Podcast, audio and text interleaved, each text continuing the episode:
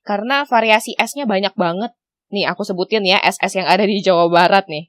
Ada es cendol, ada es goyobot, ada es oyen, ada es doger, ada es lilin, ada es pala, ada es durian, ada es bojong, ada es cuing tadi kan. Ya banyak banget. Ngobrol pagi-pagi setiap hari dijamin happy.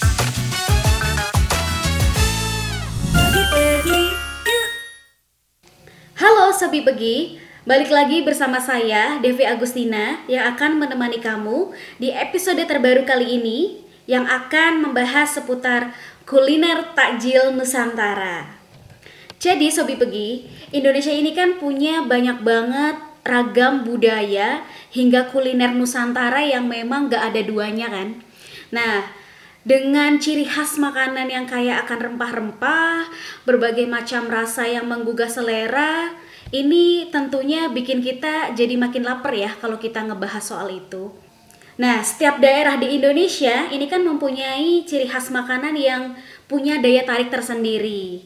Lebih spesial di momen Ramadan kali ini, setiap daerah itu bahkan punya makanan khas untuk berbuka puasa. Nah, ngomongin soal buka puasa, masyarakat Indonesia pasti nggak asing sama yang namanya takjil. Nah, takjil ini adalah uh, suatu makanan pembuka untuk berbuka puasa. Nah, Sobi Pegi, episode kali ini di Ngobrol Pagi-Pagi akan ngebahas seputar kuliner takjil Nusantara yang bisa jadi referensi Sobi Pegi untuk berbuka puasa hari ini. Halo Sobi Pegi, kali ini aku sudah bersama dengan narasumber kita di episode hari ini. Siapakah dia? Yuk kita sapa bareng-bareng. Halo. Hai Devi dan Sobi Pegi. Tuh kan, Sobi Pegi suaranya aja udah menggelegar dan semangat banget. Jadi Sobi Pegi, saat ini aku lagi ngobrol sama Silvi. Siapakah dia? Jadi Silvi ini adalah salah satu uh, jurnalis di travel and food di kompas.com. Halo Silvi, apa kabar? Baik, baik Mbak Devi dan Sobi Pegi sehat semua kan ya semuanya ya? Alhamdulillah sehat. Walaupun berpuasa tetap semangat, tetap bekerja seperti biasa, tetap rekaman ngobrol pagi-pagi juga nih kali ini kan? Harus, harus tetap semangat kita ya. Oke Mbak Silvi, boleh dong kenalin lebih dulu nih biar Sobi Pegi nggak penasaran sebenarnya uh, sama siapa sih aku ngobrol. Iya, Sobi Pegi. Nama aku Silvi Takmasari, dipanggilnya Silvi. Aku adalah jurnalis uh, travel and food di kompas.com. Nah, uh, kerjaannya ya gitu tuh, makan-makan, jalan-jalan, terus ditulis, diliput, begitu. Wih, jadi sebenarnya referensi makanan ataupun jalan-jalan yang kita baca tuh biasanya ini barangkali Sobi Pegi ini adalah tulisan dari si Mbak Silvi ini nih sebenarnya iya betul. Kalau kata okay. orang banyak bilangnya uh, jurnalis dunia fana, Mbak. Kenapa tuh bisa disebut gitu? kerjanya so, kerjanya soalnya kan makan-makan, jalan-jalan ya. Tapi ya sebenarnya uh, kerja juga kok, ditulis juga, diliput kan ya. Mm -mm. Nah, jadi enak sebenarnya kan. Jadi kita mau nulis tapi kita makan dulu kita bisa ngomongin soal rasa yang kita icip-icip terus kita bisa jalan-jalan kita bisa share deh ke masyarakat gitu kan ya betul betul banget Devi Nah, jadi Silvi boleh dong diceritain nih sebenarnya karena kan profesi jurnalis ini adalah salah satu profesi yang menarik banget. Kalau misalnya dia adalah jurnalis travel, dia bisa jalan-jalan uh, ke mana pun liputan gitu kan gratis. Kalau mau makan juga bisa makan makanan enak dari makanan yang kuliner yang apa sih namanya kuliner kaki lima hingga bahkan kuliner bintang lima. Nah ini enaknya gimana nih? Spesialnya gimana nih buat Silvi sendiri? Nah itu dia itu dia tadi udah disebutin sama Devi kan ya uh, maksudnya dari yang warung bisa makan tiba-tiba uh, malamnya diundang ke yang hotel bintang lima itu kayak memang sebuah kenikmatan tersendiri sih. Ya tapi ketika kita makan itu sebenarnya kita juga beban nih.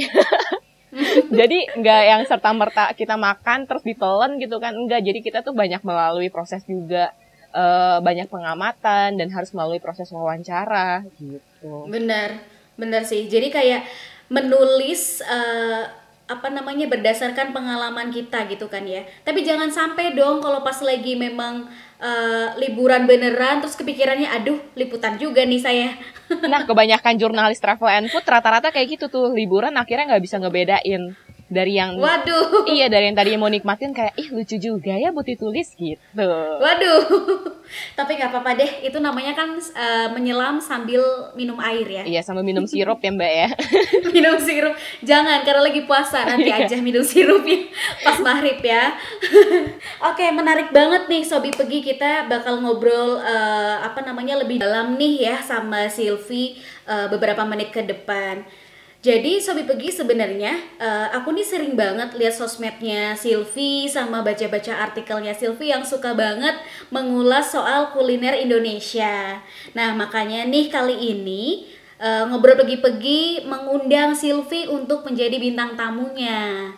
Nah, kali ini karena bertepatan dengan bulan Ramadan yang yang masih sedang berlangsung, makanya kita akan ngebahas soal kuliner yang uh, setiap Ramadan ini pasti dicari oleh kita semua yaitu adalah takjil.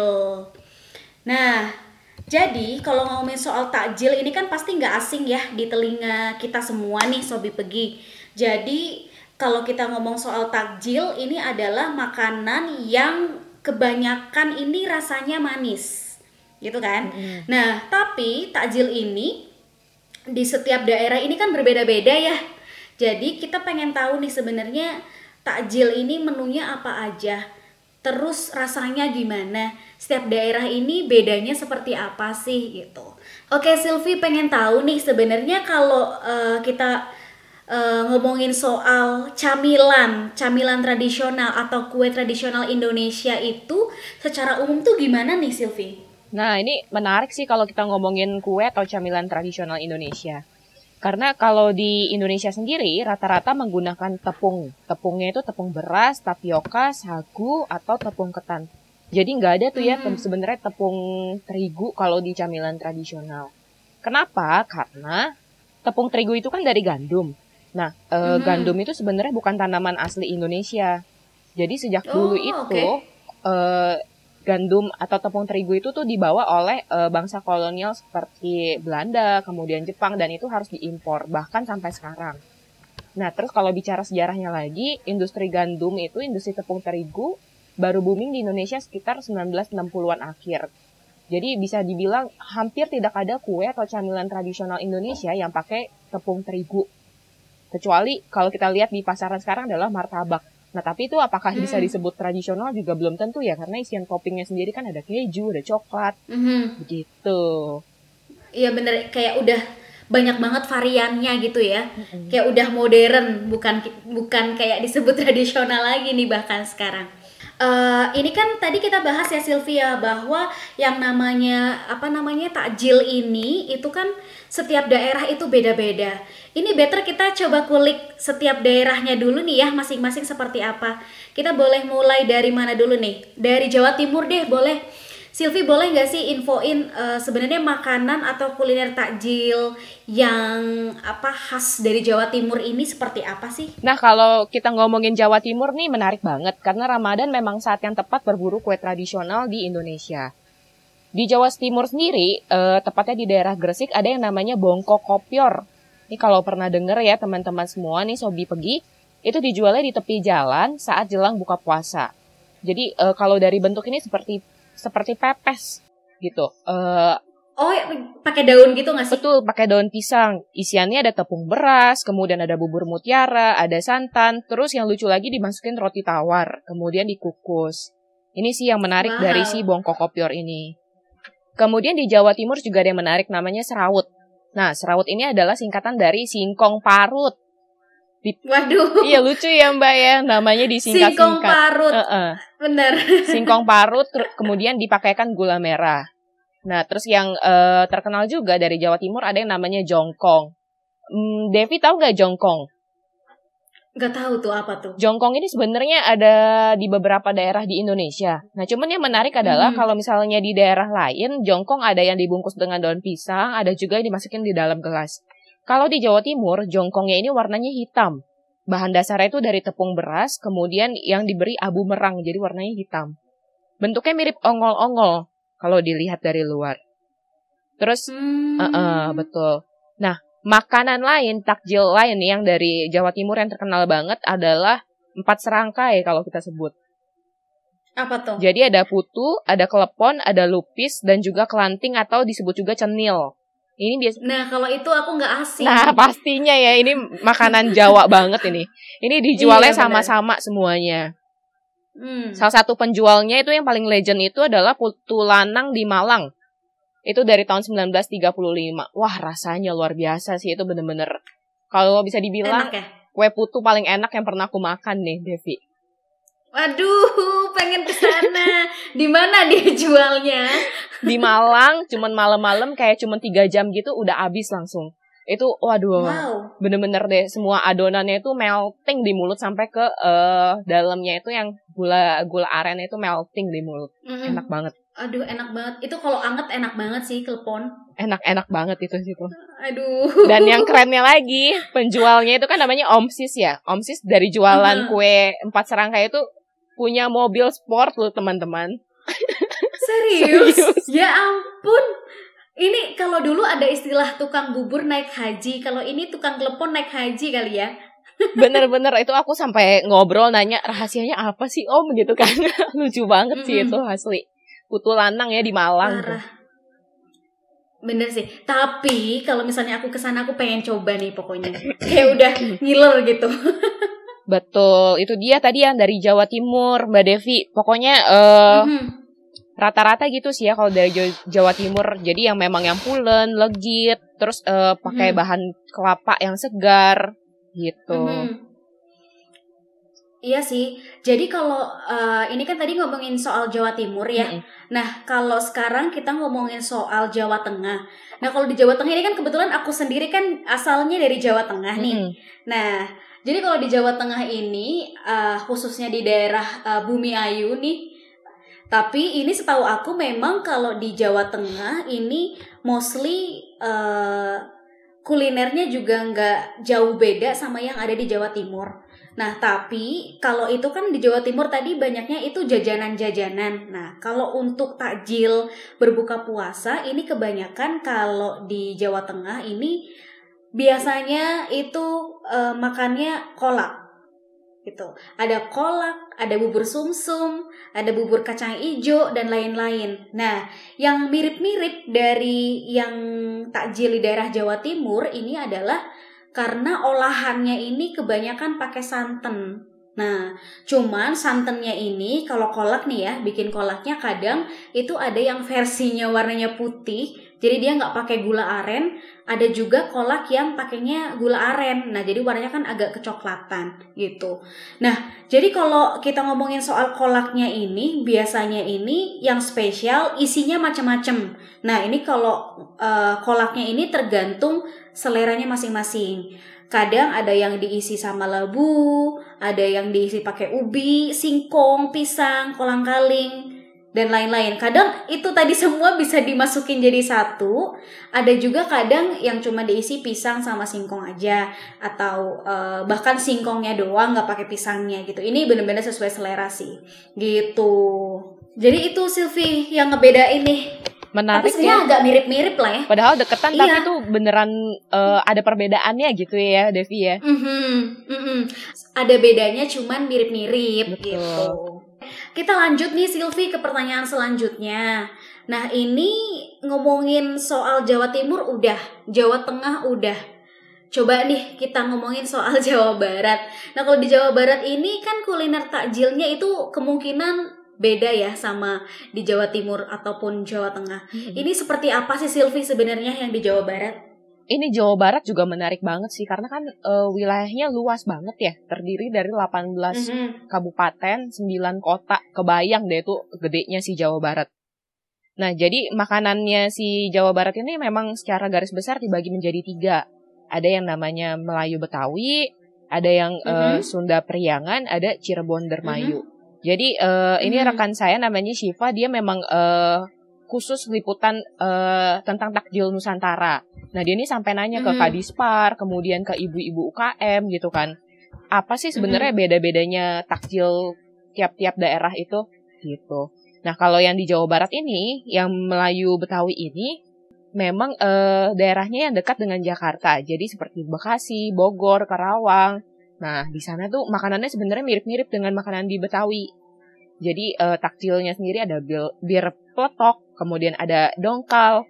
Dongkal ini tuh eh, tepung beras bentuknya kerucut, kemudian diisi gula aren dan dikukus. Ini nih langka banget Betawi. Mhm. Kalau di kalau orang Betawi itu udah ham- hampir nggak mungkin dapet kayaknya di sini deh. Terus ada juga mie glosor yang pakai Hmm. tepung kanji. Kalau dari Bogor ini licin-licin gitu. Ini yang bikin kangen Hmm. banyak orang nih, banyak orang Sunda kalau lagi merantau. Nah, kalau kita ke Sunda Priangan itu adanya di daerah eh, yang dingin-dingin. Contohnya Majalengka, kemudian Garut, Tasikmalaya, dan juga tentunya Bandung. Nah, kalau di Sunda Priangan ini udah ketebak ya seperti Mhm. apa makanannya. Ada surabi gitu kan. Kemudian ada es cendol. Es cendol ya, bukan dawet nih beda loh. Gitu. Beda Eh, ya?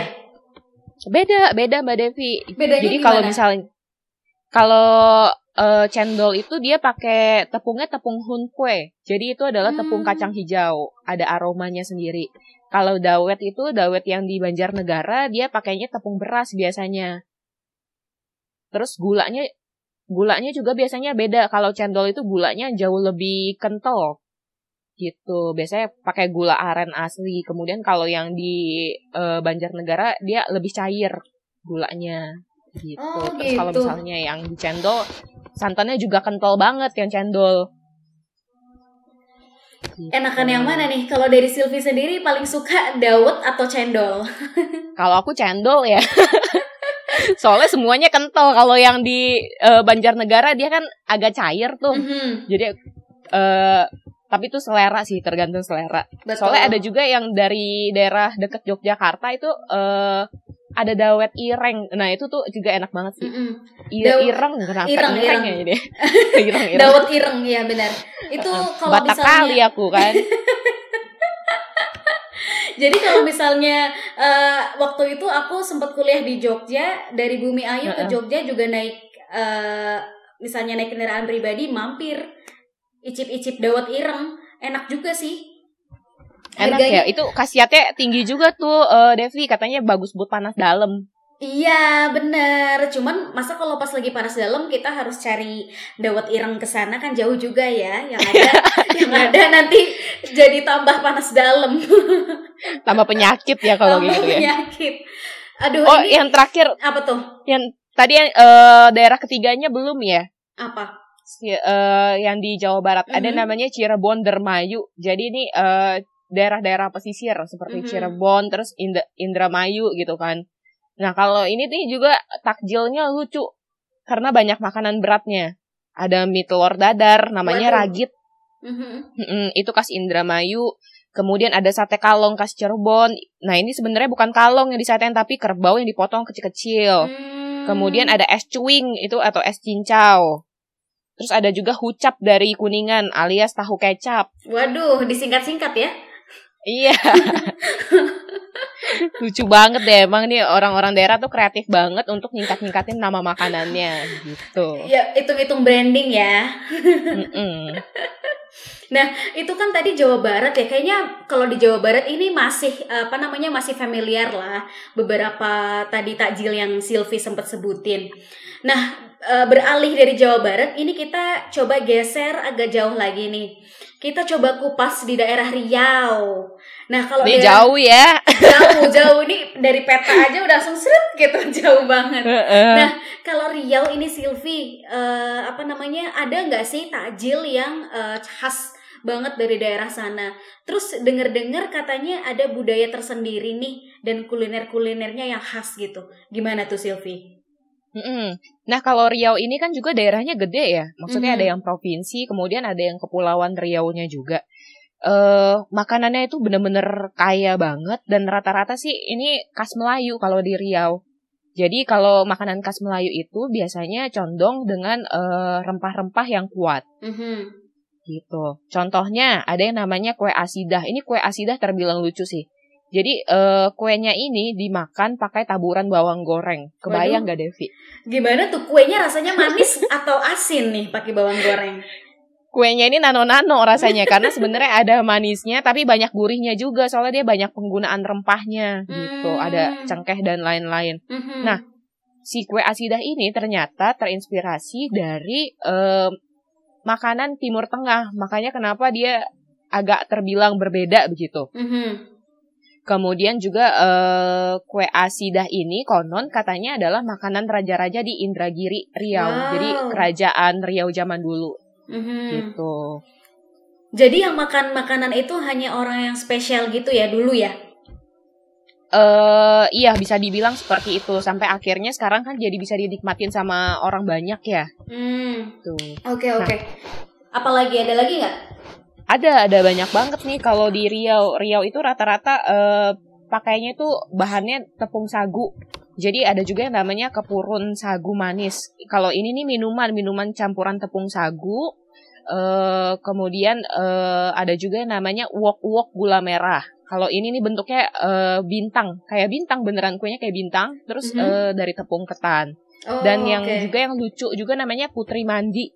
Jadi kenapa namanya Putri Mandi? Karena eh, kuenya itu direndam sama santan. Mhm. Gitu. Kreatif ya. Bener-bener kreatif banget.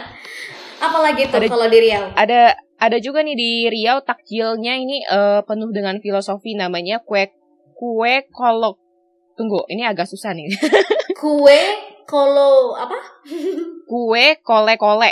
Oh, kue kole-kole. Kue kole-kole. Jadi eh, kuenya ini bahan dasarnya adalah kacang hijau, kemudian tepung beras, santan dan gula merah. Nah, Mhm. Jadi di Riau itu ada yang namanya eh, Pulau Penyengat.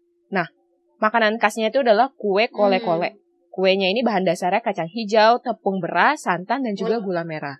Jadi filosofi dari kue kole-kole ini selain dia memang untuk memperbantukan eh, ekonomi keluarga, dijual sama ibu-ibu dekat pelabuhan, ini juga lucu sih ceritanya. Jadi si kue kole-kole ini selalu ada di saat acara gotong royong warga gitu jadi ibu-ibunya pasti nyiapin kue kole-kole untuk dimakan Hmm. bersama contohnya kalau misalnya ada yang mau nikahan mereka bangun tenda atau misalnya eh, gotong Hmm. royong keluarga mereka pasti selalu juga buat kue kole-kole begitu Menarik banget. Jadi kalau misalnya lagi ada acara-acara warga sekampung itu biasanya ada si kue kole-kole ini ya Sil ya.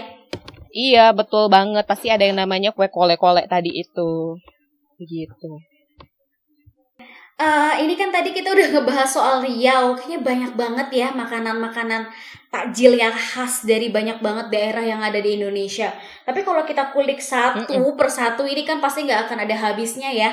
Waktu sejam ini pasti kan nggak akan sempat gitu, Sobi pergi. Nah, ini kan Silvi tadi udah ngejelasin dari banyaknya takjil takjil Nusantara.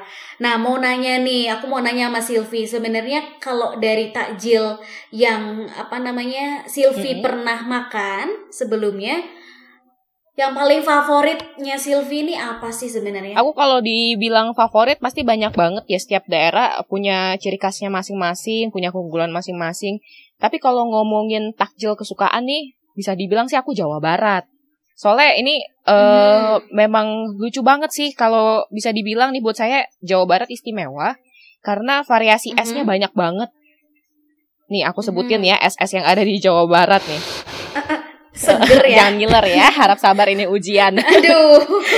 ada sop buah Apa ada es tuh? cendol, Mhm. ada es goyobot, ada es oyen, ada es doger, ada es lilin, ada es pala, ada es durian, ada es bojong, ada es cuing tadi kan. Wow. Ya banyak banget. Nggak tahu kenapa nih orang Jawa Aduh, Barat doyan minum banget. es nih ya.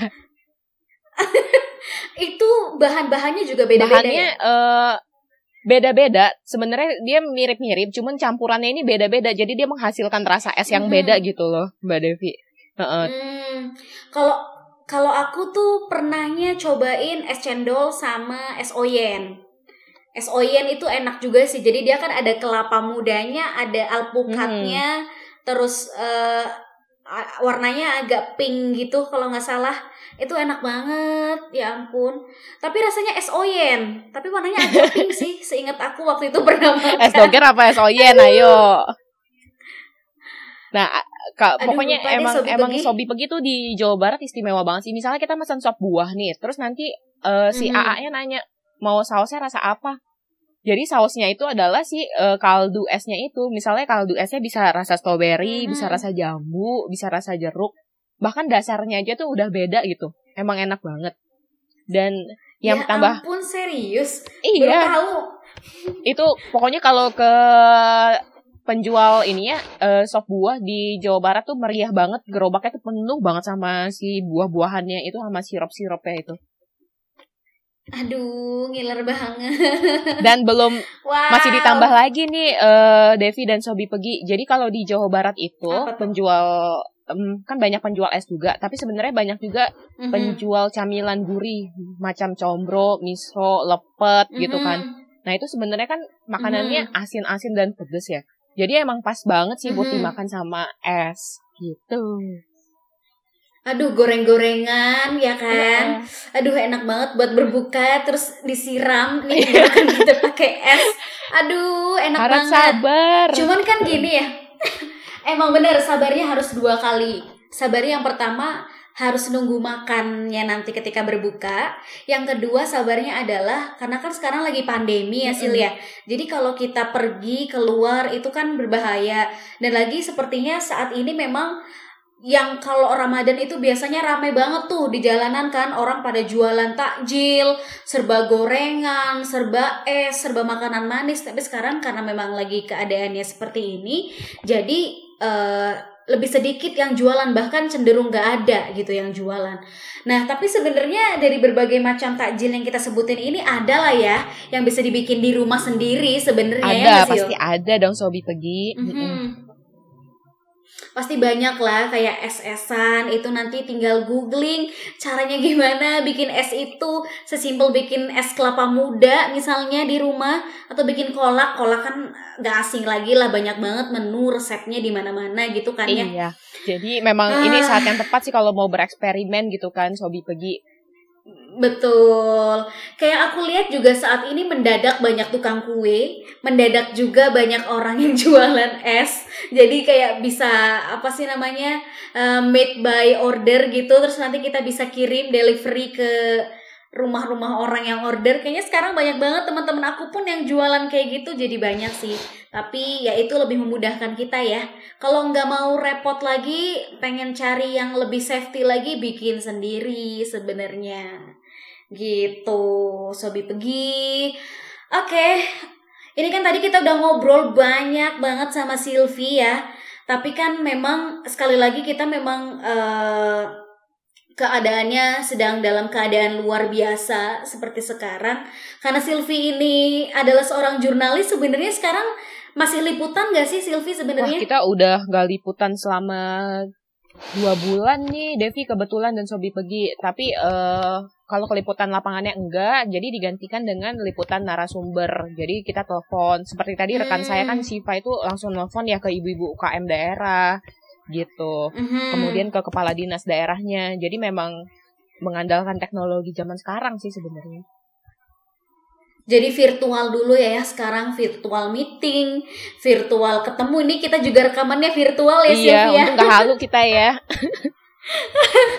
Dan kita juga icip-icip takjilnya ini sementara ini virtual dulu. Bukber virtual Karena ya. Kita belum bisa ya bervirtual, icip-icipnya juga masih virtual. Kita ngebayangin dulu aja lah ya sekarang karena yang penting kan kesehatan dulu yang paling utama.